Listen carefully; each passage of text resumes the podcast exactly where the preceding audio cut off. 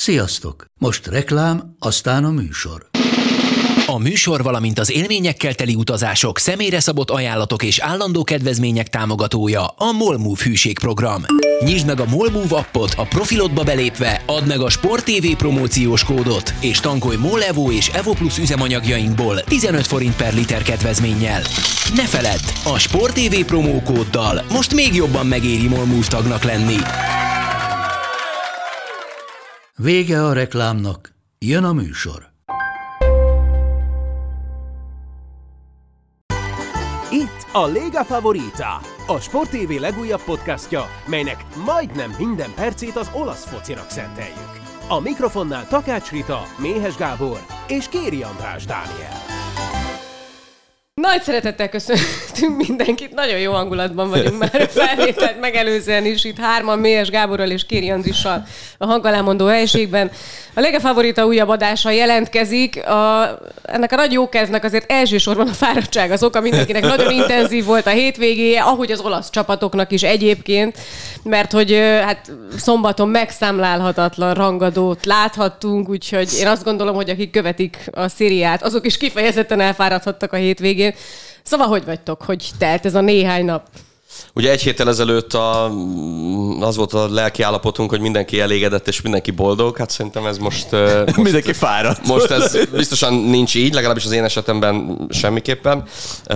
Jó, hát mondjuk akinek az egyik kedvenc játékosa gólt szerez egy városi derbi, mondjuk boldog lehet tulajdonképpen, ugye Andris? Tehát, hogy Körülbelül. Hogy Rita mosolyog is nagyon. Igen, tehát igen. Azért... Ez lesz a fő téma ma, azt hiszem.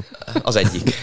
Mindig ez a fő téma. A másik meg, Nem hogy... tudom, észrevettétek A másik pedig a Láció. Jó, de az a, fő, az a jó fő téma, ami tulajdonképpen ilyen egy percben tud fő téma lenni. Tehát az, ami úgy igazán üt. De hogy vagy, Andris? Aludtál? Ja nem, nem Nem aludtál. sokat, de nem baj. Úgyhogy, De most a Juventus miatt, Hát vagy a... igen? Nem, nem, egyébként sem. Most Pogba miatt. Igen, megműtötték ugye friss hír, és valószínű, hogy ugye januárban térhet vissza legközelebb. Mondjuk azt mondják, hogy két hónap a felépülés, tehát ha nagyon szigorúan nézzük, még akár ott is lehetne a VB-n, tehát nem lesz formában, szerintem egyébként sem vinnék el. Meg a Juventusnak is jobb, ha már megműtik, akkor tényleg Torinóban marad, úgyhogy végül 6 hét csúszás után, vagy nem tudom hány hét csúszás Annyi. után, igen, megműtötték. Di Maria ugye ma nem utazik Párizsba, vagy nem utazott tegnap ugye a Juvéval Párizsba. Jó, szerintem erről fogunk beszélni még. De, de kezdhetünk ezzel is, nekem mindegy, csak attól félek, hogyha nem a derbivel indítunk, akkor kicsit el fogunk csúszni, aztán nem marad arra a meccsre elég idő. Nem, meg akkor Andrist az a vád éri majd, hogy ilyen Juventus túlsúly van az adásban, különösen az elején, úgyhogy szerintem is kezdjük a Milánói derbivel, és semmiképpen ne a Lációval. Jó. De róluk is beszélünk. Mondtad, Zümi, hogy nem nagyon tartott számon, hogy ugye hány meccset, meg milyen meccseket közvetítettél, de gondolom az azért biztos, hogy ez, ez a jobb derbik közül való volt, ez a hétvégi szombati találkozó. Ez kétségkívül így van. Bevallom, hogy nagyon élveztem a közvetítést. Lehet, hogy az interdrukkerek már kevésbé. Nagyon jó meccs volt, emlékezetes meccs volt, nagyon-nagyon sok tanulsággal, és, és olyan, olyan epizóddal, ami szerintem az egész szezonra elég komoly hatással lesz. Menjünk már akkor végig ezeken, hogy majd akkor mond, mond Andris kezd, mert egy általános dolgot gondolom, ez, ez szerettél volna hozzáfűzni, és akkor menjünk már végig ezeken, hogy mik voltak a tanulságok, meg, meg amiknek valóban aztán hosszú távon itt jelentősége lesz. Ö, rendben, akkor én is egy ilyen rövid összegzéssel kezdem. Szerintem is nagyon jó mérkőzés volt. Talán a kiállításon, meg ugye a szokásos 11-esen, vagy, vagy bírói ö, ítéletek ö, körüli viták leszámítva valóban mindennel tele volt ez a mérkőzés, tehát fordulatok voltak, volt öt gól, színvonalas volt, egyszer az egyik csapat irányította a mérkőzést, egyszer a másik, és az Inter majdnem visszajött itt a végén, ugye Menyannak is kellettek a bravúrok, de összességében én úgy gondolom, hogy az első félidő második felében, illetve összességében a mérkőzésen azért Milán jobban teljesített, tehát megérdemelten nyert.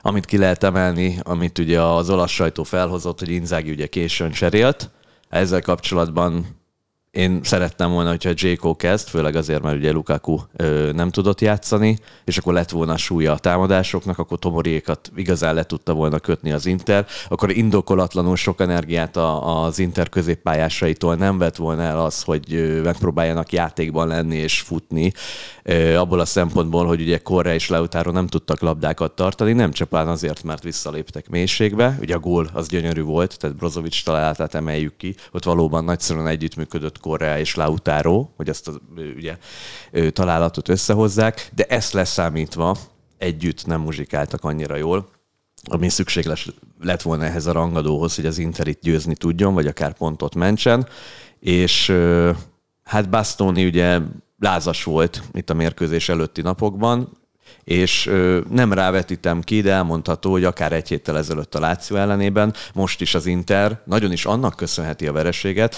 hogy legalább a háromból két gólt, de akár mindhármat abszolút dekoncentráltságból kapta. Hát Felipe Anderson találata a Láció meccsen ebből született többek között, illetve itt a derbin valójában helyzetbe hozta a Milánt, Zsirut vagy Leaót, ugye az Inter védelme és nem csak Csálhánoló eladott labdájára gondolok, de hát a második találat is egészen elképesztő volt, hogy Zsiru egyedül áll a 16 belül, abszolút létszámfölényben vannak az intervédők, és, és elképesztő távolság van köztük, illetve ugye a gólszerző játékos között.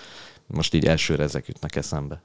Ugye de koncentráltságot mondtad, és néhány héttel ezelőtt, vagy lehet, hogy egy héttel ezelőtt beszéltünk arról, hogy, hogy azért ez az edző felelőssége elsősorban, hogyha erre hivatkozik. Szóval mennyi ebben tényleg valójában Inzági Sara. Mondtad, hogy a Láció az most már lassan ilyen mús lesz számára, de én azt hiszem, hogy a Milán is szépen csatlakozik ebbe a sorba, mert hogy bajnokin nem tud nyerni ellenük az intervezető edzőjeként. Egészen biztos, hogy ebből a székből, ennél a mikrofonnál nagyon-nagyon könnyű észt osztani az embernek. Nem beszéltünk össze Andrissal, de és én tudom, hogy elfogult vagyok, mert Edin Dzséko ugye volt Jugoszlávia területéről származik, és ugye a volt jugoszláv sportolók nagyon-nagyon közel állnak a szívemhez. Még akkor is, hogyha Róma Soha, soha nem kezdetném Korreát Jéko helyett. Hozzáteszem, van nagyon kedves Interdrucker barátom, aki meg azt mondja, hogy soha nem kezdetné Jékót Korrea helyett. Nekem az a véleményem, hogy ezen a meccsen szerintem ez ellen a Milán védelem ellen Jékót kellett volna kezdetni, még akkor is, hogyha április eleje óta nem rugott gólt, még akkor is, hogyha a szezon végére nagyon-nagyon elfáradt, és érezhető volt rajta az életkora már. Én nem azt mondom, hogy végig kellett volna vele játszatni a 90 percet, de hogy vele kellett volna kezdeni, az szerintem egészen biztos. Én a közvetítés során többször elmondtam azt, hogy, hogy érthetetlen, hogy Inzági mire vár a cserével, már, már az nem tetszhetett neki, ahogyan az első félidő alakult szerintem, mert az nem nézett ki jól az Inter szempontjából az az, az első félidő, és nagyon-nagyon érdekesek ezek az Inzági cserék, tehát hogy kicsit hogy az ember átgondolja, hogy, hogy Inzági mikor és hogyan cserél, és milyen szisztéma alapján cserél, hogy, hogy emlékszünk-e arra, hogy Inzági úgy cserélt, hogy, hogy az ne azért történjen az a csere, hogy mondjuk megtartsunk egy, egy vezetést, vagy, vagy, vagy hogy azért, ne, ne azért cserélt volna, mert már nagyon nagy baj van, és valahogy próbáljuk meg a gödör aljáról visszakaparni magunkat, és most megint ez történt. Tehát, hogy, hogy, hogy nem érzem azt, hogy Inzági olyan pillanatban cserélne, amikor, amikor azt, hogy most ezt azért hozom be ezt az egy embert, kettőt, hármat, hogy megnyerjem a meccset, és nem azért, mert őrült nagy gáz van, vagy azért, mert vezetek, és azt érzem, hogy esetleg már, már tenni nem tudok hozzá, megpróbálok erre ráülni, és megpróbálom ezt megtartani. Mondom, innen persze könnyű okoskodni, de hát azért vagyunk itt, hogy, hogy elmondjuk a véleményünket, meg hogy a, meg hogy a benyomásainkról beszéljünk, és, és aztán arról már, arról már végképp szerintem külön fejezetet kell nyitni, amilyen káosz lehet egy csomó interjátékos fejében. Tehát, tehát az, hogy Barella az ötödik a nyolcadik, tizedik perctől kezdve úgy cirkuszal a pályán minden egyes ítéletnél, minden egyes kritikus szituációnál, mintha tényleg ő találta volna föl a futballt. Nem, nem néz ki jól az, amit, amit Csálhánoruló valószínűleg fogunk majd még beszélni, a, a hibája az első gól előtt, ahogyan De Frey teljesít, amit Bastoni mutat, az, hogy Skriniar ugye egész nyáron abban lehetett, hogy most akkor megyek Párizsba, vagy nem megyek Párizsba, inkább itt hosszabbítsak szerződést, vagy, vagy, vagy költözzek. Szóval, szóval ez nem, Brozovic nincs, még ha akkor is, hogyha most a viszonylag a, talán ebben a szezonban, az új szezonban a legjobb meccsét játszotta talán Brozovic az Interbe, de még mindig nincs olyan állapotban és olyan formában, mint amilyenben mondjuk tavaly volt, vagy azt megelőzően volt. Szóval ezért van Inzáginak pokoli nehéz dolga. Szerintem olyan nehéz dolga, és mindjárt befejezem, amilyen nehéz dolga szerintem még soha edzői karrierje alatt nem volt, és nagyon nagy kérdés, hogy ehhez ő akár taktikailag, akár pszichológiában és mentálisan mit tud hozzátenni, és hogyan tud segíteni a csapatnak. Mi változott tavaly óta? Ott ugye gyakorlatilag nyilván ne varjuk Radu nyakába azt, hogy nem az Inter lett a bajnok, de végül is mégiscsak az a mozdulat volt az, ami úgy a, a motiváció, vagy, a, vagy a, egy ilyen sarkalatos pontja lett annak a történetnek, hogy az, az Inter elveszítette a bajnokságot azok után, hogy hosszú ideig ugye a kezében tartotta. Tehát akkor ugye dicsértük a csapatot folyamatosan, és dicsértük Inzágit, bár nyilván akkor is voltak azért dolgok, amiket Andris említettél vele kapcsolatban, és amit mondjuk lehetett kritizálni. Mi történt? Mi fordult meg? Az, hogy nem sikerült megnyerni, és ezáltal egy olyan nyomás került az ő vállára, amivel nem tud megbirkózni. Nyilván ezer dolog befolyásolja, amikor döntéseket hoz, de most olyan, mintha nem tudna tiszta fejjel gondolkozni, amikor a kezdőcsapatot kijelöli, vagy amikor meccsel a pályán. És egyébként említetted, hogy a játékosok hogyan viselkednek, és hogy mennyit reklamálnak. Igazából azért ugye a kispadról egy pontosan ilyen képet kapnak, tehát Inzági is azért, hogy mondjam, nem az a nyugodt típus ott a pálya mellett, és azért az a játékosokra nem biztos biztos, hogy jó hatással van. Onnan indítanék, hogy Contéval, amikor megnyerte a bajnokságot az Inter, az egy óriási alapot és ajándékot adott egyfelől Inzáginak, másfelől nyomást. Egyik dolog az, hogy a győztes mentalitást megteremteni az a létező legnehezebb egy klubnál, ezt rövid időn belül megteremtette Conte, és ezt adta át. Tehát egyrészt akkoriban még volt például a, ugye a bajnok Milánnal szemben, nyilván vessük velük össze az Intert, egyrészt a játékos állománya, a gazdasági, a, a komolyabb pénzösszegek, amit az átigazolásokra költöttek már ottáig, tehát egyrészt szakmai szempontból erősebb keretet kapott Inzági, másrészt győztes mentalitást adott át neki Conte, hiszen a játékosok egészen más önbizalommal léptek fel, mikor már Itália bajnokai voltak, ugye ezt tavaly meg a Genoa elleni nyitófordulóban ezt láthattuk.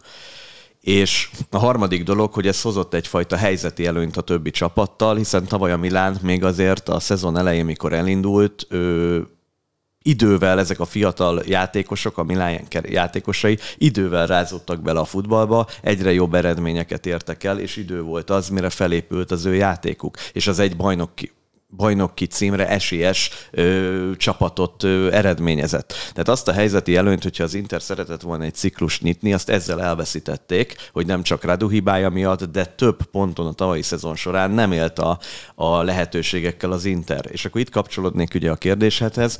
Én úgy gondolom, hogy Inzágit valóban dicsértük, és dicsérni is lehet, már sokszor kiemeltük azokat az erősségeket, ahogy ő, ő többdimenziósá tette a támadójátékot, színesebbé vált az Inter futballja, a védelmi alapok meg a játékrendszer az körülbelül egy és ugyanaz, ezt egy picit színezte, de még egyszer mondom, kapott egy alapot, tehát nem neki kellett felépíteni, amit már Conte megcsinált, viszont ő egy olyan szakvezető, és erre tavaly jöttünk rá a szezon során, és akkor pedig Zümihez is kapcsolódom itt, aki viszont nem meccsel jól sokszor és emiatt veszt, veti vissza az egyébként jól működő csapatát.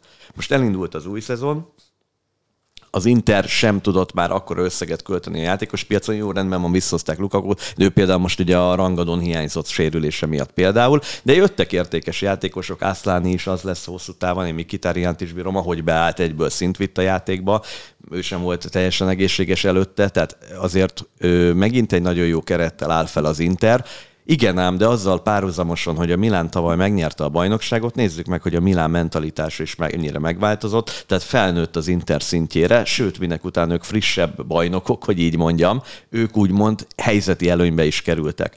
Erre a mérkőzésre pedig visszatérve azt mondanám, hogy ez úgy igazságos, hogy nem volt annyira rossz szám ez az Inter, de Csálhanoló eladott labdája az, tehát az epizódok egy ilyen rangadon nagyon fontosak, és igazából amikor ebből kiegyenlített a Milán, utána változott meg jelentősen a játék képe. Az teljesen normális reakció, amikor egy együttes gólt szerez, a másik pedig egy saját hibájából gólt kap, akkor ugye mentálisan is, átmenetileg egy pár perc elég legalábbis minden meccsen megváltozik a játék képe. Aki gólt lő, az ugye fellelkesedik, jönnek az akciók, aki pedig gólt kap, azt egy átmenetileg visszaveti. A probléma az, hogy ebből hogy jön ki az Inter. És azt láthattuk, hogy a mérkőzés jelentős részében egy-egyet követően egészen talán Zsékó találatáig, vagy addig a helyzetig, ami a, ahhoz vezetett, tehát a három-kettőig, sokkal jobban uralta a mérkőzést a Milán, de ez kellett egy hiba az Inter részéről, mert Pioli, bár taktikai értelemben szint vitt a futballba azzal, hogy Tonálit kimozgatta a bal oldalra, emlékezzünk vissza, hogy amíg nem rúgott gólt az in, a, a Milán, amíg nem egyenlített ki Csálhánolú hibáját követően, az egyetlen épkézzább lehetőségei mind abból indultak, hogy Tonáli a bal szélről ugratta ki vagy Zsirút a 16-oson belül, aki szerencsétlen ugye létszámhátrányos helyzetben volt, mert egy támadóként próbált valamit ott kavarni a 16-oson belül, tehát nem működött annyira Pioli futball futballja. Tehát nem volt ez annyira rossz az Inter részéről, de jött megint egy olyan bomlás mentálisan a csapaton belül, amelyet egyébként például a Láció ellen is időszakosan érezhettünk, vagy a tavalyi szezon során. Tehát meccselni kell inkább jól megtanulni az Internek, akkor, amikor előnyben van, mert neked nem kell jobban játszanod, hogy te az eredményt megtart, neked szenvedve kell tudnod nyerni, tehát rossz játékkal is sok nagy csapat tud nyerni, és talán ez hiányzik ebből az Interből most. Ki tudja persze, hogy alakul a találkozó, hogyha tényleg nincs ez a Csáhanoglu hiba, ő lett a bűnbak ezután a meccs után. Nyilván ennek az egész sztorinak van egy elég hosszadalmas előzménye, ugye a Milán játékosa volt, és onnan igazolt át az Interhez. Ugye tavaly, amikor volt szerzett, akkor egyáltalán nem volt visszafogott, tehát kifejezetten ugye megünnepelte a találatát, most Teo Hernándezzel kezet sem fogott a meccs előtt, szóval ez egy eléggé hosszadalmas sztori, és sok a sérelem gondolom én mindenkiben, de itt most valóban az a hiba kellett ahhoz, hogy a Milán ebben a meccsben így tudjon, vagy így kezdje el, és lendületbe jöjjön a találatával, az egyenlítéssel. Igen, csak kérdezem én, hogy ez nem az edzőnek a feladata, esetleg a meccs előtt leülni, és azt mondani, és ha neked van egy olyan karaktered edzőként, akkor, akkor nem tudsz olyan hatással lenni a játékosodra, hogy, hogy azt mondod, hogy, hogy nyugi, tudom, hogy mit érzel, tisztában vagyok azzal, hogy neked ez most nagyon fontos, de, de, de az, hogy, az, hogy észnél legyél, és ne csináljál hülyeséget, az, az egész egyszerűen a csapat számára az, az, az elengedhetetlen, az, az élet-halál. Tehát, tehát én itt, itt gondolom egy kicsit uh, Inzági felelősségét, és persze már most jönnek a hangok, hogy eddig tartott a Conte-féle munka eredménye, és mostantól ez, ez, ez, már, ez a csapat már nem az a csapat. Hozzáteszem egyébként azt is, azt is kérdezhetjük, hogy, hogy biztos, hogy van ennél sokkal több ebben a, ebben a garnitúrában? Így. Tehát azért mégiscsak nyertek egy bajnokságot, nyertek egy kupát, nyertek egy szuperkupát, mi volt? Európa Liga döntő volt, tehát hogy, hogy ezzel az állományjal így lehet még tovább lépni, vagy, vagy lehet, hogy elérték a maximumot, és, és kell egy olyan frissítést csinálni, amiben aztán tényleg az kell, hogy be legyen építve Hitárján, valamit hozzá tudjon tenni Aszláni, oké, okay, hogy Kitárján sérült volt, de hát aztán itt kilátta. Bellanovát kilátta eddig a szezonban a, a, az Interben például. És arra is beszélek, hogy, hogy ugye a kapuba meg abszolút nem jön plusz nekik. Tehát itt, itt előbb-utóbb szerintem a Handanovics onnan cserét muszáj lesz, hogy, hogy, hogy Inzági meglépje, mert amit Menyan hozzá tud tenni, annak a töredékét nem tudja Handanovics hozzátenni. És láttuk ennek a meccsnek a végén, hogy ez milyen baromi fontos. Ebben igazad van, de amikor bajnok lett az Inter, akkor viszont Handanovics hozzátette a magáét, tehát nyilván a különbözőek a szezonok. Hát akkor igen, igen, persze, igen, igen. csak most viszont igen. már nem. Igen. Hát én úgy gondolom, hogy ugye lassan majd Onana lesz az első számú kapus, idővel beépítik. Hát ez egy másik dolog, hogy ő hogy fog muzsikálni, mert ez egy dolog, hogy leváltjuk Handanovicsot, legalább védjen annyira jól, mint Handanovics, mert ugye Onana sem nyújtott az elmúlt időszakban azt a teljesítményét, amiért a világ kinézte magának 19-ben, ugye a, a 18-19-es szezon során az Ajax-ban játszott még, és akkor egy szenzációs menetelésük volt Európában is. Szerintem az Interben sokkal több van, ezt a csapatot jó alapokra építették, a játékosok ö, még én nem azt mondom, hogy erejük teljében vannak, hát jelen pillanatban nem, de azért még Barelláikban még van bőven, lehet még építeni. Nyilván, hogyha a tulajdonosi kör nem lenne eladósodva, és rengeteg kölcsönt vettek fel, amiből ugye tudják nagyjából fizetni a futbalistákat, illetve működtetni a futballszakosztályt ugye Márottáék. Ha olyan gazdasági hátterük lehetne, mint mondjuk egy Citynek vagy egy, egy angol klubnak nyilván előny lenne, de hát Olaszországban ezzel a kerettel a legkiemelkedőbbek egyike, van egy alapjuk, azért ezek a futbalisták nem felejtettek el futballozni, és szerintem Európában még én többet várok el tőlük, mint tavaly. Hogyha tavaly nem a Liverpoolt kapják, akkor, akkor talán még egy kört is mehettek volna tovább. Még nem volt annyira rossz. Tehát azt mondta, hogy ezt a Bayern, Barca. Inter csoportot, ezt, ezt ők túlélhetik? Ne, de a mutatott játék számít szerintem. Most az, hogyha egy ilyen csoportból véletlenül kiesel, de úgy, úgy jössz, hogy emelt fővel lejátszod a hat mérkőzést, vagy a nagy ellenfelek ellen, abból csak tanulni tudsz. Lehet, hogy nem rövid távon, hanem mondjuk hosszú távon lesz ennek jutalma. Jövő ilyenkor, amikor egy könnyebb csoportból, vagy, vagy egy bármilyen csoportból tovább jutnak, és szembe találkoznak majd akkor egy, egy hasonló kaliberű ellenfél ellen, akkor a tavalyi Liverpooli tapasztalat, meg a mostani tapasztalatok lehet, hogy egy továbbjutást eredményeznek. És azért ne zárjuk ki, hogy azért akár én még szurkolok nekik, hogy idén is tovább juthassanak, de általában én azt mondom, csak a kérdésedre válaszolva, vagy a felvetésedre, hogy azért főleg akkor beszélünk csak Olaszországról, hát ez a jelenlegi keret, és van egy kialakult futball, hát Olaszországban ez a játékos keret, ez abszolút versenyképes. Ez oké, okay, csak, csak az a verseny az milyen eredményt hoz majd? Ez a kérdés. Azt előre ugye nem tudjuk, de hogyha az a kérdés, hogy a bajnoki címért futhat-e ezzel a kerettel Inzaghi, az egyértelmű. Hát az csúnya Igen. lenne, ha, ha, Igen, ha, nem. Ha nem, Igen. igen. Meg hogy ez a meccs, ez, ez mennyire áraz be, vagy mennyire állít pályára egy csapatot. Tehát így, hogy elvesztette az Inter ezt a találkozót, és mondjuk előtte sem mondtuk a csapatról azt, hogy szenzációsan játszana, mondjuk ez nem indít el valami lejtmenetet, vagy, vagy folytatódik a lejtmenet, és mondjuk a Milán számára pedig, vagy a Milán szempontjából pedig épp egy ellentétes folyamatról beszélhetünk. Tehát van-e ennek akkora jelentősége, hogy, hogy tényleg itt a következő találkozókon még, még ez, ez ott van a fejekben? Szerintem nem, nincs akkora jelentőség egy, egy Milán elleni verességnek, mint nyilván, amit az Inter szurkolók megélnek érzelmileg. Tehát most, hogyha én kik, ez egy bajnokság. Tehát itt a, a régen, régi mondás, hogy itt a kis csapatokat kell megverni, a rangadókon pedig minél kevesebb pontot veszíteni. Mert itt a folyamatosság szállít, számít az állandóság, és te mondjuk hiába vered meg a Juventus-t, az Atalantát, a Rómát, meg a Milánt mondjuk egy szezon során, de aki kapsz a Salernitárnáktól, Udinézéktől, stb., és sokkal több pontot elulajtasz, mint a, mint a többiek, akkor rosszabbul jársz. Tehát ez a bajnokiság szempontjából nézem, és most nem az, hogy ez egy, ez egy tényleg egy futball történelmi, történelmi rangadó, ami mindkét csapat ö, szempontjából különös jelentőséggel bír, akkor elveszített egy mérkőzést az Inter, jelenleg nincsenek formában, múltkor Rómában kaptak ki, de abszolút építhető a játék, már pedig olyan hibákat követnek el, ami viszont javítható. Tehát, hogy pozitív dolgot is mondjak, az, hogy ennyi, amit említettem, hogy így védekeznek, hogy, hogy nem figyelnek oda, hogy, hogy helyzetbe hozzák az ellenfél támadóit tulajdonképpen, tehát nagyon nagy mértékben saját hibáidból kapod a gólokat, az javítható. Akkor lenne nagy probléma, ha te mindent megtennél, mert úgy gondolnád, hogy minden a helyére került, és ennek ellenére annyira erősebbek az ellenfelek, hogy egyszerűen nem tudod megakadályozni, hogy egy Leo, vagy egy Giroud, vagy egy Milán olyan támadójátékot alakítson ki, ami, amivel te el tudnád kerülni, hogy te gólt kapjál. Tehát ugye itt a legnagyobb probléma, és akkor átéltünk csak egy pillanatra még a Milánhoz, Szerintem nem egy pillanatra, hanem akkor most jöjjenek hogy ők azért. Igen, igen, tehát ha, ha megnézem a Milán percre. oldalát, abszolút megérdemelten nyerték meg a meccset, és a nagyon jól gazdálkodnak az ellenfél hibáiból, de hát Pioli futballja erre épít. Pioli támadó futballja nem kellően színes még.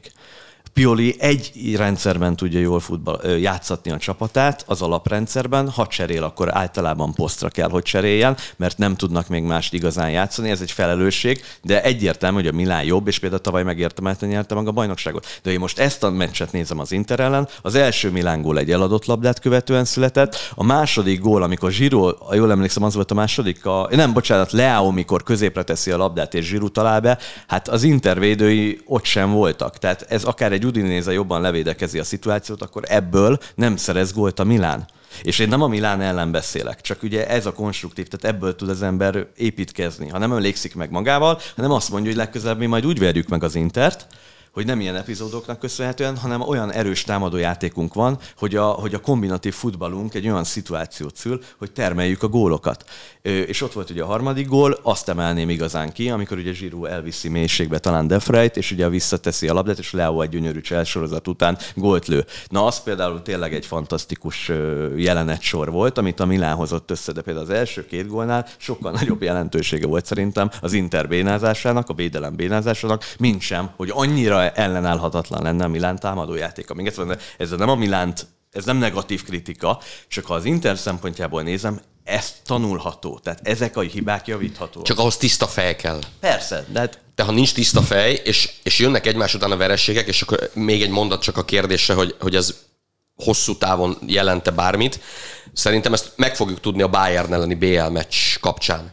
Tehát az, hogy ott milyen arcát mutatja az Inter, az eredmény is nyilván, meg a, meg a játék egyáltalán, az, az szerintem, szerintem egy jó kép lesz arról, hogy milyen hatása van a Milán elleni vereségnek, és hogy Andris mondja, hogy Pioli egy rendszerben igazán, hát akkor mit mondjuk Inzágiról, aki meg aztán tényleg ennek a rendszernek a, a, a felkent híve, és nála, nála bármi is történik, bárhogy alakul egy eredmény, ott, hogy valamit átrajzolgatna és át, átszerkeszteni a, a, a hadrendet, a fölállást, olyat aztán végképp, a, végképp nem látsz. A, ebbe abszolút egyetértek, de azért mondom, hogy én nem bántottam, ami, tehát én nem Piolit kritizáltam. Tudom, tudom, tudom, csak mondom, hogy igen, persze, igen, igen, persze. igen, nem, nem is értettem én ezt félre, persze, remélem, hogy a, a hallgatók se, csak mondom, hogy, hogy Inzágira meg aztán ez végképp igaz.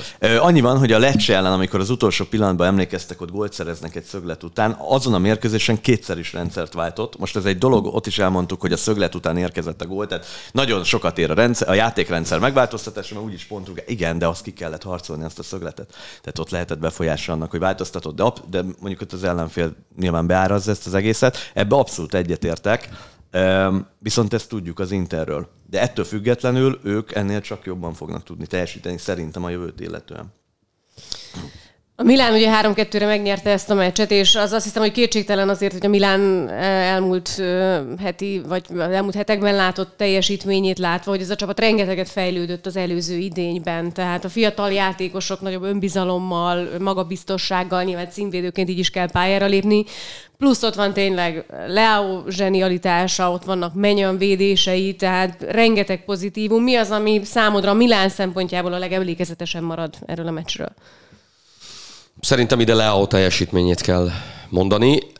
Én mindenképpen őt mondanám, meg azt is, hogy milyen érdekes, hogy, hogy, hogy néhány napon belül hogy megváltozhat egy játékosnak a, a, a megítélése is, meg egyáltalán a hozzáállása. Tehát ha belegondolunk és visszaidézzük azt, hogy Lea hogy játszott a Sassuolo elleni meccsen, és hogy aztán mit mutatott itt az Inter ellen, hát nem ugyanaz a galaxis. De én ugye azt mondom erre, hogy azzal, hogy lezárult az átigazolási időszak, és gondolom, hogy szépen mindenki megnyugodott, az ennyit számít, vagy nem erről van szó szerintetek? Lehet, hogy fejben a játékos, egy fiatal, még érési ö, folyamat ö, kellős közepén tartó labdarúgó beszélünk, és biztos, hogy ez hatással van rá. Emlékezzünk rá, amikor Kessé már tudta, hogy elmegy a Barcelonába, és visszaesett a teljesítmény. Persze nem feltétlenül csak emiatt, ebbe így nem látunk bele, de abban abszolút egyetértek Ritával, hogy ez is lehet egy szempont, és azért a szakvezetőnek se semmi, meg a játékosoknak körülött, hogy számíthatunk rá, de egy hét múlva vagy nem, hogy alakul a futball, hiszen ahogy Zümi is ugye említett, egy ilyen klasszis játékosra az ő megoldásaira épül valójában, tavaly is épült ugye a Milán támadójátéka. Tehát azért nem mindegy, hogy oda beraksz valakit, hiába érkezett itt Ketelára, és a többi, és a többi. Hát eh, dimenziókkal esne vissza, esett volna vissza ez a, ez a játék. És csak visszatérve arra, hogy ugye említettük, hogy fejben lehet, hogy Leo nincs ott az elmúlt hetekben, hogy fog teljesíteni, nagyon nehéz visszajönni egy ilyen állapotból, és lásd csodát, hogy a, vagy a legfontosabb mérkőzésen eddig egy ilyen rangadót végülis eldöntött két góllal, meg egy gólpasszal, és ugyanúgy igaz szerintem, hogy ezért nem kell mondjuk ö, túl, ö, túl gondolni talán azt, hogy milyen helyzetben van az Inter, mert lehet, hogy egy hónap múlva meg pont ennek az ellenkezője lesz, vagy éppen a Juventus, akiket meg ugye szittak tavaly ugyanígy szerepeltek, aztán jött a Chelsea, a BL címédő, és sikerült megverni egy núra. Tehát ezek azért változni fognak idővel, és ö, szerintem Leo remélhetőleg egész szezon során tud majd olyan szinten futballozni, mint tavaly. Egyébként talán Rudi mondta tegnap, nem, vagy te mondtad, Andris, nem emlékszem már pontosan, hogy hogy a igazán tényleg szupersztár és világklasszis akkor lesz, amikor nem csak ezeken a meccseken, amire az egész világ figyel meg, amire iszonyatosan nagy motivációval készül, ezeken teljesít kiemelkedően, hanem a kis csapatok ellen, a kicsit amikor olyan szürkébb a Milán, amikor, amikor egy, egy kötelező győzelmet kellene behúzni, akkor is mondjuk így tud teljesíteni. Bevallom, hogy emlékszem, pedig valamelyik közvetítésben el is mondtam, hogy egy korábbi Milán sztár, egy korábbi Milán világsztár mondta azt, Leóval kapcsolatban, hogy az, akinek ilyen tudása és ilyen tehetsége van, annak nem gyakran kell jól játszania és perdöntő játékosnak lennie, hanem minden Mindig. egyes alkalommal, és persze lehet ebben egy-egy hibapont, tehát minden negyedik, ötödik meccsen mondhatod azt, hogy jó, most önmagához képest visszafogottabb volt, bosszant most, hogy nem ugrik be a neve annak, hogy ezt, ezt ki is mondta, de tulajdonképpen lényegtelen, mert ez, mert ez egybecseng ezzel, és, és, és, ez, és ez valóban, valóban perdöntő kell, hogy legyen a, a Milán Ha megnézitek a tavaly, amikor bajnokok lettek, akkor is nagyon sokszor nem játszottam jó Leo. és a bajnokság utolsó nem tudom hány fordulójába elkezdte tömni a gólokat a legkomolyabb ellenfelek ellen, tehát amikor igazán fontos. És vannak ilyen típusú játékosok, tehát lehet, hogy ő, ha beleszakad, biztos, hogy tud állandóságot adni ennek a futballnak, még, még jobban. De vannak ilyen típusú labdarúgók, mint Savicevic volt, hogy a, ha kifog egy napot, úgy játszik, mint senki más körülötte, de ezt nem tudja mondjuk egy évben, nem tudom, 40 vagy 30 vagy 40 mérkőzésen át produkálni. De nem csak azért, mert esetleg hanyagabb az edzésem, vagy nem kellően, ö, hanem, hanem mert egyszerűen a zseni faktor, vagy ezek a zseni, zseniális dolgok, ez azért sok mindentől függenek, attól is, hogy a te csapatod hogy játszik aznap, ő hogy kell fel. Tehát én úgy gondolom, hogy a zsenik azok pont azért egy picit mindig ilyen megmagyarázhatatlan szerepben vannak, vagy, vagy nem is tudom, hogy melyik a kiszámíthatatlanak egy picit, mert pont nem tudod, hogy mikor számíthatsz arra, hogy kiválóan szerepelnek, de miután Leao tavaly, ahogy említettem, a bajnoki cím szempontjából ott a hajrában folyamatosan jól teljesített, most nem tudom, talán az utolsó hat mérkőzésen rendkívül kiemelkedően, és most is egy ilyen rangadót eldöntött, Hát legrosszabb esetben a Milánnak van egy játékosa, akik úgymond legalább a fontos mérkőzéseken vezér tud lenni. Igen, csak a zseni vagy, akkor egy bizonyos szint alá nem mehetsz. Hát ezt neked nem... hát ezt neked tudnak. És akkor folytassuk a Lációval, ahol tele vannak. Hát a nem, heti zsíru, nem, nem, a napi zsíru, a napi zsíru, a napi zsíru. Ne viccelj! Én úgy döntöttem, hogy beleállok Na. ebbe a sztoriba most már. Mindig mosolygok itt ilyen szényelősen. Most beleállok a heti zsíruba, és uh, arra gondoltam, hogy, hogy minden alkalommal akkor hozok valami érdekességet vele kapcsolatban, mert egyébként ez olyan nagy előzménye nincs ennek a történetnek. Andris rám ragasztotta egy ártatlan megjegyzést követően, hogy zsíru az kedvenc játékosom, de akkor legyen. És ezt meglovagolt az Ümi, nem? Mert ugye a Rita az első adásban mondta, hogy a Giorka F már nem játszik Milánó. Hát nyilván, mert ugye már már az a 90-es években volt, és, de hát erre mondtam, hogy de hát ott van ugye Zsirú francia futbalista, igen. Nem, ennek az az előzménye, hogy, hogy csak a hallgatóknak mondom, hogy ugye amikor mondjuk egy stúdió üzemel, akkor mi általában a smink helységben nézzük a meccset a szakértővel, és ott, ott, ott van a, a sminkes kollégina, meg sokszor az egyik rendező lány is oda ül hozzánk, és együtt nézzük a meccset, és hát Andris egy bent ült, amikor Zsiru gólt és hát ugye elhangzott néhány megjegyzés ott a lányok között, bár hiába próbáltam nekik mondani, hogy nézzétek, hogy érkezik meg, mennyire jól játszik, meg mindenfélét felhoztam a labdarúgó tudás tudásával kapcsolatban, de hát nem erre fókuszáltunk, pedig ugye értő közönség, mert hát Szerintem itt az elmúlt években több ezer labdarúgó meccset Bár az hogy, olyan hogy érkezik rá, lehet, hogy azért felcsillantak a tekintetek. és akkor Andris ezt elkapta, és az első podcastben rögtön, rögtön lecsapta a labdát, de legyen, nekem, nekem jó ez így. Abszolút úgyhogy, jó szándékkal. Úgyhogy most, most kézzétek, akkor bár ezt hogy az adás előtt egy órával találtam ki, úgyhogy túl sok információt nem tudtam kideríteni, de most minden héten hozok akkor valami érdekességet vele kapcsolatban, jó? De jó ez, nagyon jó. Na most, most így... Neked most attól lesz napi Allegrid. Nekem napi szárrim, Szóval van, van négy, négy gyereke, két lánya és két fia. Tehát tudjuk, hogy érkezik. Nagyon sok jótékonysági szervezet és ilyen humanitárius szervezet mellett áll egyébként, tehát kifejezetten szimpatikus az ő, az ő civil élete, milyen vallásos, több tetoválása is van, ami erre utal. Tehát de tudtátok ezeket egyébként? Fogalmam sem volt egyébként semmi, semmi ilyesmiről. Szóval csupa ilyen, ilyen pozitívumot tudok vele kapcsolatban felsorolni, nyilván ha bármi negatívat találok, azt úgyse hát fogom elmondani. azért egy gólt is, tehát hogy... egyébként hát, Heti zsíru csak akkor lehet, ha ő jól játszik. Jó, bár ugye tavasszal kettőt rugott, most csak egyet, tehát akár meg is fedhetnénk. De most volt egy gólpassz Nem tesszük. Igen. Na, én azt gondolom, hogy kedvencet választani tudni kell. Tehát ő az, aki szépen csendben 30 6 évesen, vagy már 37, Hát szóval 36 Hozza körül tőle az. megszokott színvonalat, egyébként viszonylag ugye csendes az élete, nem hallasz vele kapcsolatban semmiféle balhéról, úgyhogy nekem tényleg rendkívül szimpatikus, és jól is futballozik, te ezt még így hozzá. Szeptember 30-án lesz 36, igen. Hát, gyerek még. Az ilyen életrajzi magazin? nem. Szóval az van, hogy, és ezzel együtt egy, egy zseni appali. Tehát, tehát sok mindent lehet rámondani, meg nyilván voltak olyan periódusai a pályafutásának, amikor, amikor úgy nézett ki, hogy lejtmenet, és ki tudja, hogy, hogy lesz-e még olyan, mint amikor a legjobb volt amikor, amikor nagyon fontos, és azokon a meccseken, amikor, amikor nagyon fontos, akkor, akkor fantasztikus. És hát ide csaphatjuk még a, a, a honfitársát, tehát amit Menyan művelt, és, és azért amit a Milánnak ad az, hogy egy ilyen kapusa van, az nagyon sok. Már tavaly is nagyon sok volt, és, és, és idén, idén Még legalább talán- annyi, még, még talán több. És ugye Donnarumát mennyire szitták, mikor távozott, és mennyivel jobban járt így a Milán, illetve nem tudjuk, jobban jár, de jól járt, és ugye azért Menyan már azt hiszem 17 mérkőzésen bajnokságban Franciaországban sem kapott gólt, amikor ő bajnokként érkezik, hiszen egy francia bajnoki címmel a hátán érkezik Olaszországba, és ugye a Milánnal is nyer, és a támadásban nem csak az, hogy bravúrokat mutat be, meg, meg kommunikál mindenkivel, meg tényleg már az első mérkőzésén tavaly a Sampdoria ellen idegenbeli meccs volt, már ott igazából egy, egy gólpasszal felérő átadásra hozza a helyzetbe, ugye most nem emlékszem, talán Calabriát abból rúgott Brahim Diaz akkor, tehát azonnal beilleszkedett, És ugye aztán a Rendkívül Sampdoria ellen hazai pályán adott gólpassz Leónak, hogy ő rúgta ki. Igen, Leo igen. átvette és gólt rúgott belőle. Igen, tehát ö, valóban nem csak a bravúrjai számítanak, vagy hogy irányítja a vé- magát a védelmet, mert ugye mindig kiemeljük Kalulujékat, hogy kevés gólt kapott, a legkevesebb gólt kapta a Milán a naptári évben, és a többi, de hát van egy, egy vezér hátul, aki úgymond, ha kell hangos szóval, ha kell pedig a játékával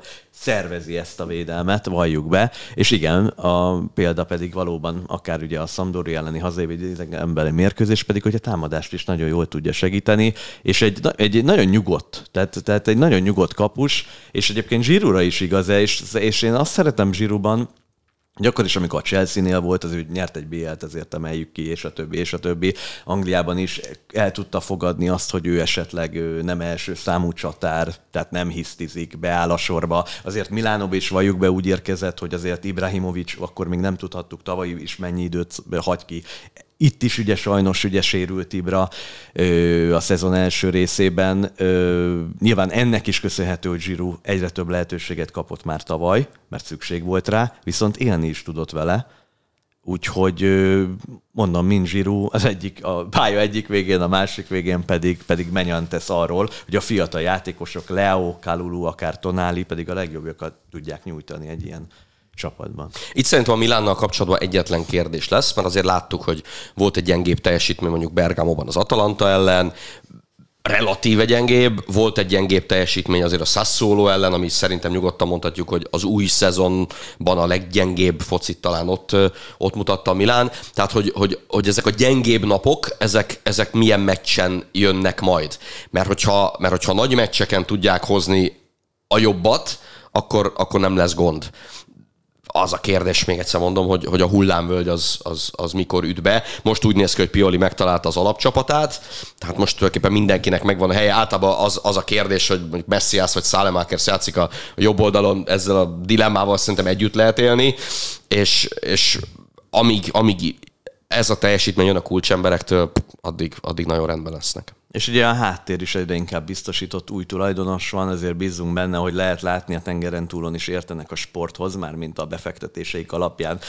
Tehát azért itt van egy szakmai háttér, és nem kölcsönöket vesznek fel folyamatosan, hanem van egy kiszámíthatóság, nem kell azon stresszelni, hogy a hónap végén, vagy jó, nem a hónap végén, de az év végén megérkeznek-e a, a vagy, vagy a kifizetésekkel rendben lesz a klub, és ez azt is feltételezi, hogyha nem is ebben az évben, de talán jövőre még komolyabb összegeket tud majd áldozni a Milán az átigazoláson, piacon, Európában is szerintem megint egy szintet fog lépni, ugye a tavalyi tapasztalat után. Igazán erős... vonzóvá szerintem akkor válnak újra az olasz élklubok, hogyha a bajnokok ligájában persze, is ugye persze. sokáig jutnak, az elég egyértelmű. Persze, és ugye az meghatározza azt, hogy megnyered a szériát, de egy olyan bajnokságot nyersz meg, ahol mit tudom én az első két helyezett, mondjuk a BL legalább legjobb nyolc vagy négy csapata közé jut, az az a rangját is azért emeli.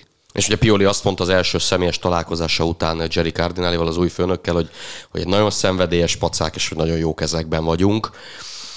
Ez egészen biztos, hogy, hogy jó hír azért a, a piros-fekete. Igen. És hát a Milán, valljuk be, hát nem csak az olasz labdarúgás, hát a nemzetközi futball történelme egyik legpatinásabb klubja. Tehát amíg Olaszországban a, a Juventus úgymond ugye a rekordbajnok, azért Európában ugye a Real Madrid mögött, különösen a Berlusconi 30 éves regnálása idején, hát játszottak 8 back BL döntőt, ebből 5-öt megnyertek és ráadásul korszakos csapataik voltak, tehát Rocco az első edző, akkor Sacchi, Capello, Ancelotti nem csak megnyerték a BL-eket, hogy mondjuk jött egy jó szezon mondjuk Tükellel, mondjuk a Chelsea-nél, fantasztikus edző, meg csapat félre ne értsetek, ezek korszakos csapatok is voltak, hát még Ancelottival is ugye há- négy év alatt háromszor jutottak be BL döntőbe, ahol nyertek kettőt, és a karácsonyfa alakzat ugye akkor is újat hoz, szint hozott a futballba, tehát nem csak címeket nyertek Európában, hanem formálták a labdarúgást, és, és ez a klub, ez, ez Európában a legsikeresebb olasz együttes ebből a szempontból.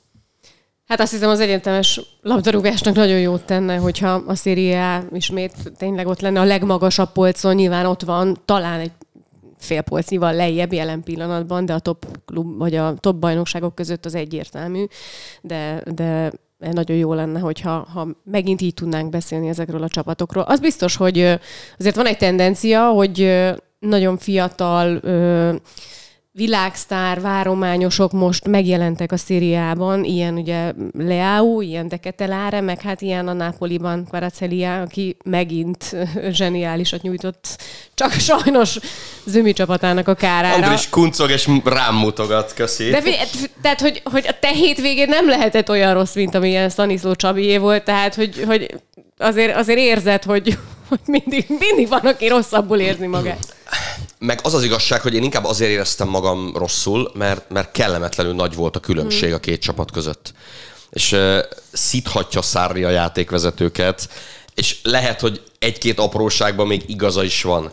Na de ezt a bírók nyakába varni, ezt a futballt és ezt a teljesítményt, szerintem, szerintem össze kell tenni a két kezünket, és azt kell mondani, hogy de jó, hogy ez csak kettő egyes vereség lett, és nem több.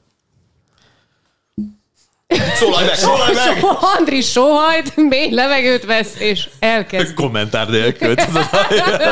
vagy ki kéne sípolni, vagy hát keresünk az, az az igazság, hogy nem tudom, hogy mi az, ami működik Szári játékában, mert megszerezték a vezetést, ugye egy megszerzett labda után, ugye Felipe Anderson révén. A gól egyébként gyönyörű volt, emeljük ki, majd nem igazán tudták ezt megtartani, de nem azért, mert a hogy mondjam, játékban nem voltak ott, óriási különbség volt a két együttes között, és rendkívül szervezetlen továbbra is, ha pressingel a Láció, nem értem, hogy, hogy miért esik szét ennyire az együttes. A játékosok nem tudják, hogy kire kell fellépni, tehát olyan alapvető hibákat követnek el, amit kisebb osztályban szereplő kluboknál adott, hogy én az edzői utasítás alapján kire lépek fel, vagy ö, mennyire magasan, vagy éppen mélyen tartom a védelmi vonalaimat. Az alap, hogy a, a két védelmi vonalam között nem lehet ekkora ö, terület, ahol simán ö, létszámfölényben támad az ellenfél,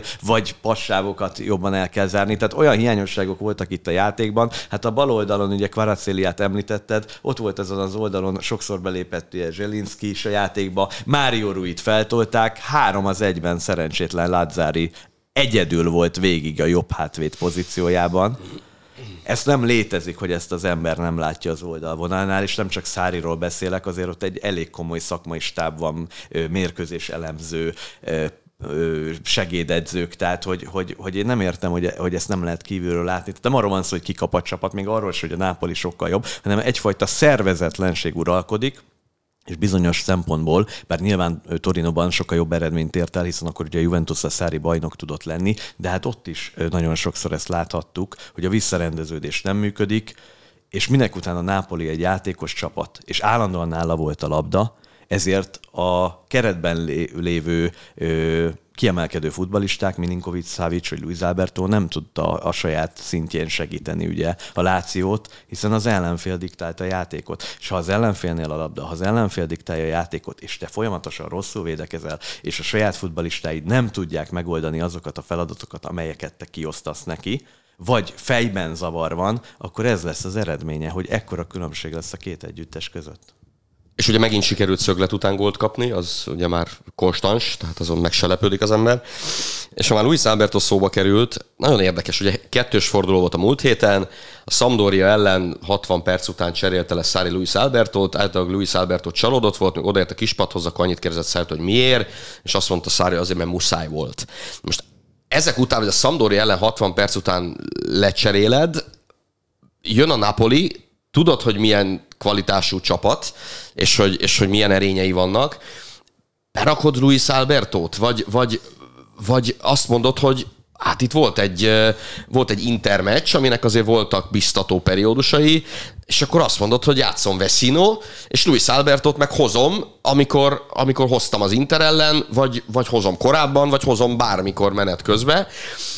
Nem tudom, hogy nincs esetleg olyan, olyan, olyan háttere ennek az egésznek, hogy, hogy, hogy Luis Alberto dünnyög, nyilván szeretne játszani, nyilván egy, egy fantasztikus képességű játékos, csak egész egyszerűen lehet, hogy ebbe a Szári féle futballba ő nem passzol, ő nem működik és ő, ő védekezésben nem tudja megcsinálni azt, amit, amit ebben, a, ebben a szisztémában meg kell csinálni. Ez teljesen egyértelmű, és lehet, hogy be akarom neki, bizony, mármint az edző be akarja bizonyítani, hogy barátom, te ebben a futballban arra vagy képes, hogy bejössz a második félidőre, bejössz az utolsó fél órára, és megfordítod a meccset, vagy adsz a csapatnak egy lökést, mint ahogy az az Inter ellen történt. Igen, csak szerintem a probléma ott kezdődik, hogy Szári korlátolt abból a szempontból, hogy amikor ő ide került, hogy tavaly említettem, nekem az nem tetszett, hogy ő nem tovább építi az előző szakvezető által öt éven keresztül sikeresen működtetett futballt, Főként azért, mert arra a játékrendszerre, meg arra a játék elképzelésre voltak megfelelőek azok a futbalisták,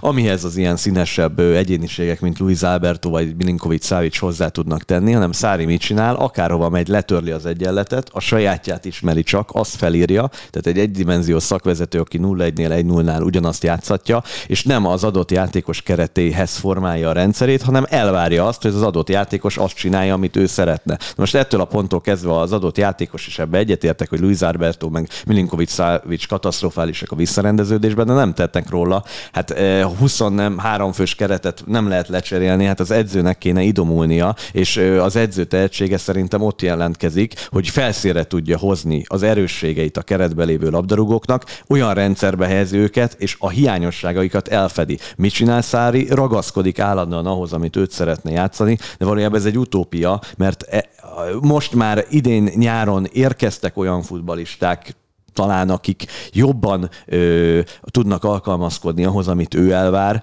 Na de hát ezért van egy ilyen semmilyen futball. A, a játékosok ebből is egy keveset tudnak, meg abból is, ahelyett, hogy egy dologhoz kötnék magukat. És bocsánat, még egy dolog, amikor, és ez példát hozok, amikor Kontétól Allegri átvette a futballt, akkor Allegri is kipróbálta nyáron egy játékelkészvet, és nem működött. Időbe tellett neki, mire átformálta a saját Juventusát. Egy intelligens szakvezető, hogyha érkezik, és Simone Inzaghi felépítette azt a védelmet, jó, hogy az ötödik évre egy picit el elfáradt a dolog, de hát akkor is bejutottak a Bayernig ugye a, a legjobb 16-ba, a BL-be, tehát azért nagyon nagy munkát vitt ott Inzági véghez, és volt egy működő védelem, egy szilárd védelem. Na most ezt úgy szét ö, bomlasztotta Szári, ugyanúgy, ami évekbe tellett a Juventusnak, hogy normális védelme legyen, mert Torinóba is szétzilálta, a zónavéd, nem az a baj, hogy zónát védekezik, az ahogyan, és a rögzített játékhelyzetek, igen, még egyszer van Empoli, Napoli, Juventus, ö, most a Láció negyedét, meg a felét a góloknak abból kapják, hogy nem tudnak normálisan védekezni rögzített játékrendszerekről, mert ez a szakvezető mindig mindenhol ugyanazt képviseli, és mindig ugyanazok a hibák, és soha nem tanul belőle.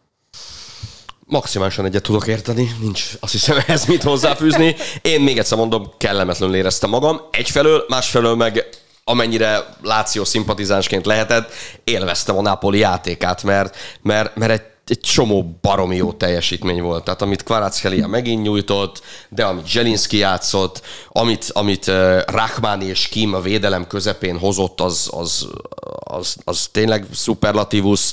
Úgyhogy Hát... Annyira kíváncsi vagyok egyébként, hogy a Liverpool ellen mit tud ez a csapat csinálni. Nagyon-nagyon várom ezt a Szerintem az lesz az első igazi nagy teszt. Fájó ezt mondani, hogy ez a hétvégi ez nem volt az, de nem volt az, mert a pályán látottak alapján nem volt az az lesz az első igazi, komoly teszt ebben a szezonban ennek az új Napolinak szerintem. Klopp még nem nyert Nápolyban, ugye amíg Ancelotti volt az edző, akkor ugye 1 0 küldték haza őt, a, meg az együttesét, és hát Nápolyban ugye még Mancini City is kikapott annak idején, még mikor Roberto Mancini volt a Manchester City edző, és Balotelli rúgta a szép idő ezt pont említettem Ritának tegnap. Nápolyban nagyon nehéz játszani, jegyek már, ha jól tudom, elfogytak, tehát teljesen teltház lesz a hangulat miatt. Ott még az észak, tehát még a Olaszországban a top klubok is, mikor leutaznak, vagy Nápolyba utaznak, akkor is rendkívül nehéz éppen emiatt a, a, a szerepük, és egyébként is angol csapatok nem igazán járnak győzni Olaszországban, tehát én ebben bízom, hogy ez lehet a Nápoli előnye. Azért tegyük hozzá, hogy a Nápoli a tavalyi évben is Olaszországon belül relatíve versenyképes volt, aztán jött egy Barcelona az Európa Ligában, és olyan könnyen gurított négy gólt Nápolyban a, a Nápolinak a Barcelona. Tehát ők töréket, tehát Európa más kávéház, és a Liverpool tradíciói egyik legerősebb európai történelemmel vagy győzelem, győztes karakterrel bíró klub, és hát a jelene, meg a közelmúltja is, hát Kloppal játszottak eddig három BL döntőt. 18-ban, 19-ben nyertek, ugye? Igen, igen, igen. Tehát e, egyértelmű, ugye, még akkor is, ha a Liverpool, azért valljuk be, nem igazán indult a, jól e, a szezon során, de hát rájuk rájuk is igaz, mint amit mondjuk az Interre, Juventus, stb. elmondtunk, hogy szezon eleje van, majd azért ők is gondolom bele ö, lendülnek. Ö, és közben, bocsánat, csak közben Zümi mutat egy hírt, mindjárt megpróbálom elolvasni. Hamarosan lesz egy sajtótájékoztató, amit Spallettivel kapcsolatban tart. Igen, hát valami házi Hát egy... baleset, vagy, valami, és a kulcscsontját állítólag megoperálták. Igen, hogy is mondják, háztartási balesetnek igen. hívják. Igen, igen, igen. igen. Na igen. most... Igen. Most épp időben érkezett a hír. Igen, pont itt élőben olvasgatjuk mi is. Hát ettől még ő ott lehetne, remélem a padon azért, nem lenne baj. Incidente probabilmente hát, domestico. Igen, mert ebből nem, nem derül ki sajnos. Tehát, ez egy, tehát hogy, hogy nagy valószínűséggel egy házi háztartási baleset. Ennyit tudok csak ilyen háztartási baleset, hát hogy most pontosan ott igen. Ha jól látom, nem is volt. Már meg is operált, kulcscsontjával megműtötték, igen. Az azért akkor az nem. Igen, akkor nem. Viszont azt írják, ma, ma reggel nem volt ott az edzésen, viszont a sajtótájékoztatón, a szokásos BL meccsek előtti sajtótájékoztatón viszont ott lesz. Hát akkor Spalletti. mégis. akkor két, nem egy mégis. Úgyhogy mindegy, reméljük, ennyire hogy frissek vagyunk. ott lesz. Ennyire frissek, hogy igen, így valós időben változnak itt a gondolatok. Minden esetre a mérkőzésre visszatérve egy jó teszt lesz az együttes számára, és esetleg még ha ki is kapnának, bár remélem, hogy nem így lesz, a Nápolinak szerintem van esélye akár tovább is jutni ebből a csoportból. Nincs sok időnk, de hát a Róma 4-0-ra kikapott, úgyhogy mondtad, hogy kellemetlenül érezted magad a Láció-Napoli találkozón, de végül is ott ez egy szoros mérkőzés. Ha az eredmény nézzük, akkor szoros lett a találkozó, hiszen kettő egyre nyert csak a Napoli. Viszont Csabi kim volt Udinében, és végignézte, hogy a csapata ennyire simán kikap. Ez nyilván nem kérdés, hogy a forduló legnagyobb meglepetése. Ami persze lehet, hogy egy ilyen egyszeri alkalom, és minden csapat életében előfordul egy ilyen nagyon csúnya vereség egy szezonban, vagy, vagy pedig itt valami komolyabb dolog történt. Szerintem úgy Ferha Andris beszél a Rómáról. hát először is nem sajnálom Csabit, mert ugye pénzt, időt, energiát áldozott ugye erre a túrára, és hát jó lett volna ugye, hogyha örömmel térhet haza. Mert azért a 4-0 az, tehát ez nem egy 1 0 vereség volt, ez egy nagyon súlyos vereség volt. A mérkőzés... X-el. a, az az igazság, hogy a mérkőzés legelején volt egyébként két lehetősége Dibalának, és ezt követően ugye, ha jól emlékszem, Karsdorp óriásit hibázott, ez megalapozta azt, ahogyan utána, amilyen mederbe került, vagy terelődött ez a találkozó, de hát ez nem menti fel a Rómát általánosságban. Hát és a második meg a pocsagól, amit az Rui Patricio bevédett.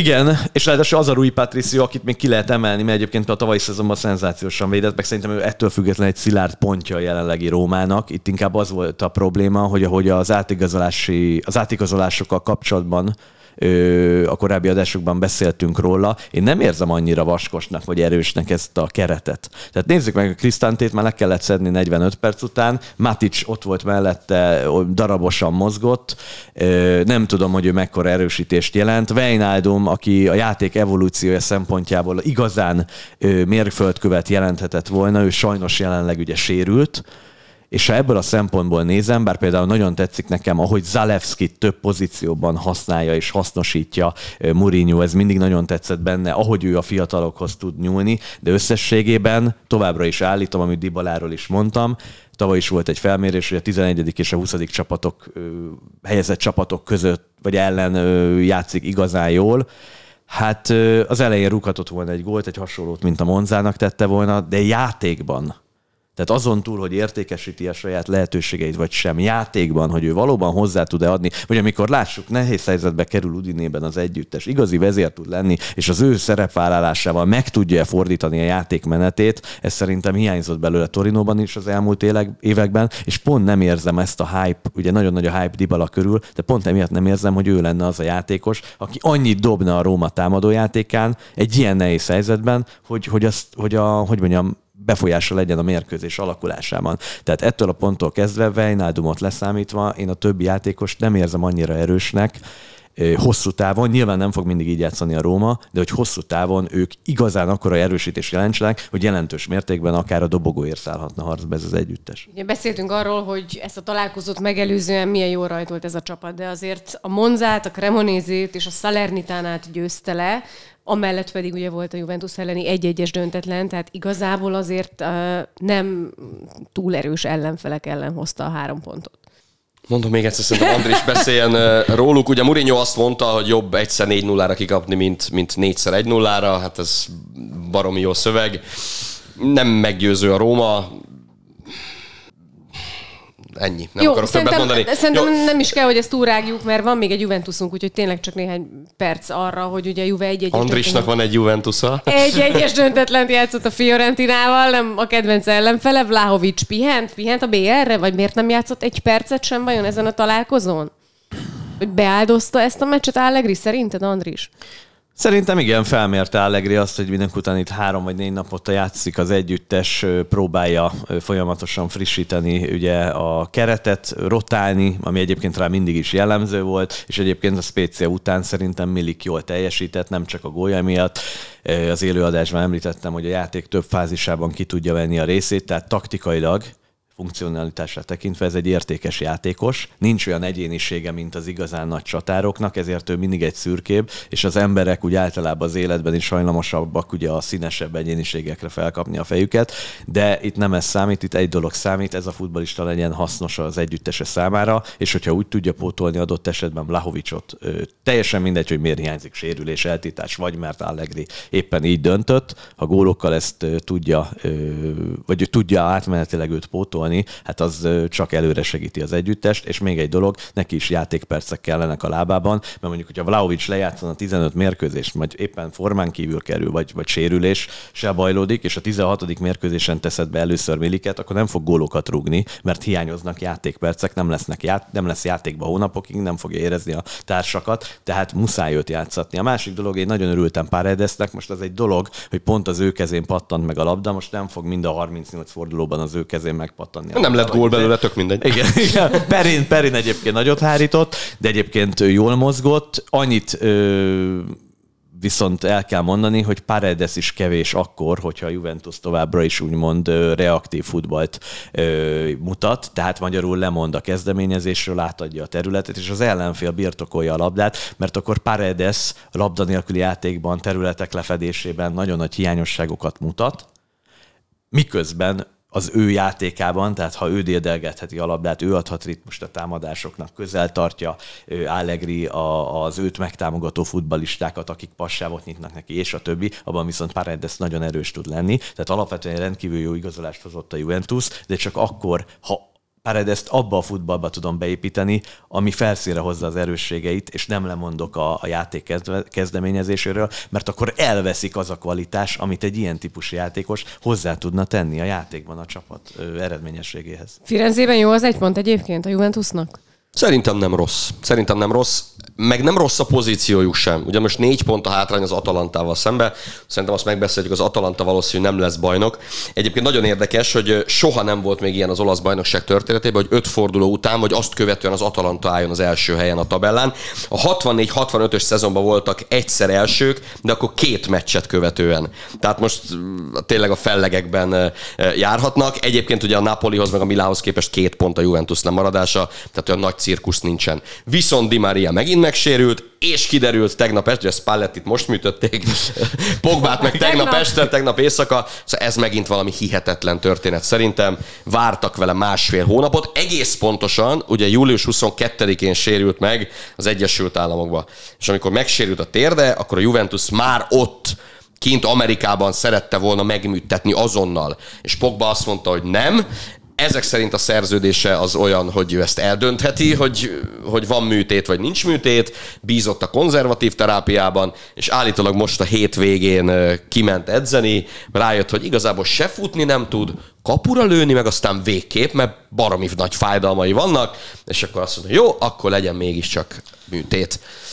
Ez sok, Káosz. Het, sok hetet elveszített a Juventus, és még elképzelném, hogy mondjuk Berlusconi idején a Milánnál, vagy mondjuk amikor Moggi volt a Juventus sportigazgatója, hogy ilyet lehetett volna tenni. Azért Di Maria egy másik ugye, játékos, akit ugye kénysz, hát kényszerűségből ki lehetett volna hagyni az elmúlt hetekben, de ugye idejekorán bevetette Allegri, és ugye most megintem ezért kiesik, és nem utazhatott el Párizsba, mert úgy néz ki, még egy-két ketet ki fog itt hagyni. Tehát a válogatott szünetig, ami ugye szeptember vége, ugye szerintem a pályára se fog lépni, bár ne legyen igazam.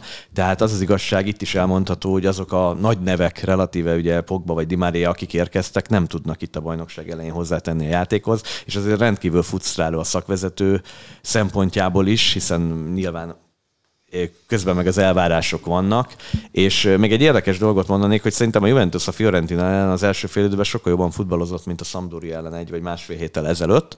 A meg csalódás a, a szurkolók.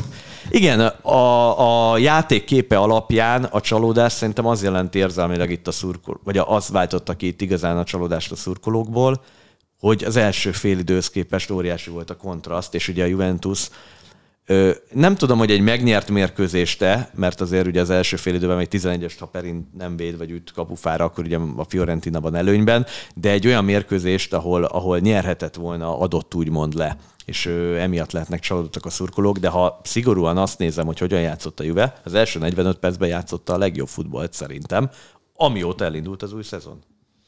És most már Allegrin egyre nagyobb a nyomás abból a szempontból, és csak egy fél mondat, és szerintem befejezzük, ha minden igaz, hogy most már Capellónak volt egy olyan nyilatkozata, hogy, hogy ezek, amiket Allegri kifogásként emleget, ez, ez most már minden nagyon kevés, és egy ilyen csapatnál, egy ilyen kaliberű edzőnek egész egyszerűen valamit hozzá kell tennie, és azért ha Capello azt mondja, hogy áll egy edző a Juventus padjánál, aki, aki igazából nem nagyon tud kitalálni semmit, és semmit nem tesz hozzá, azok azért elég súlyos szavak, és, és ennek szerintem most már valamiféle következménye kell, hogy legyen. Azzal egy, hogy föntartom, nem látom magam előtt azt, hogy Allegri szezon közben esetleg menesztenék a Juventus-tól. Szerint... Andri, mondj, reagálj, és aztán búcsú. Szerintem se fogják őt most meneszteni, legalább egy darabig még nem. Még Capello annyit jegyzett meg, csak így zárom gondolatként, hogy de hiányoznak is azok a vezér alakok vagy játékosok, akikre tudna építeni a futballt. Tehát továbbra is szerintem a tervezés a, a csapatépítés szempontjából nem volt Szerintem, nem azt mondom, lehet, ennél jobb lesz a Juventus hosszú távon, de le, talán lehetett volna ö, még okosabban ö, megtervezni a, a keretet Ö, és hát bízunk benne, hogy jobb lesz a futball, úgyhogy ez az ára gondolat. Végszónak azt hiszem tökéletes, egy hét múlva innen folytatjuk már ugye BL tapasztalattal, és persze a következő fordulóval, úgyhogy jövő kedden is várunk titeket, köszönjük, hogy itt voltatok, sziasztok! Mindenkinek minden jót! Szép napot mindenkinek! A műsor a Béton partnere.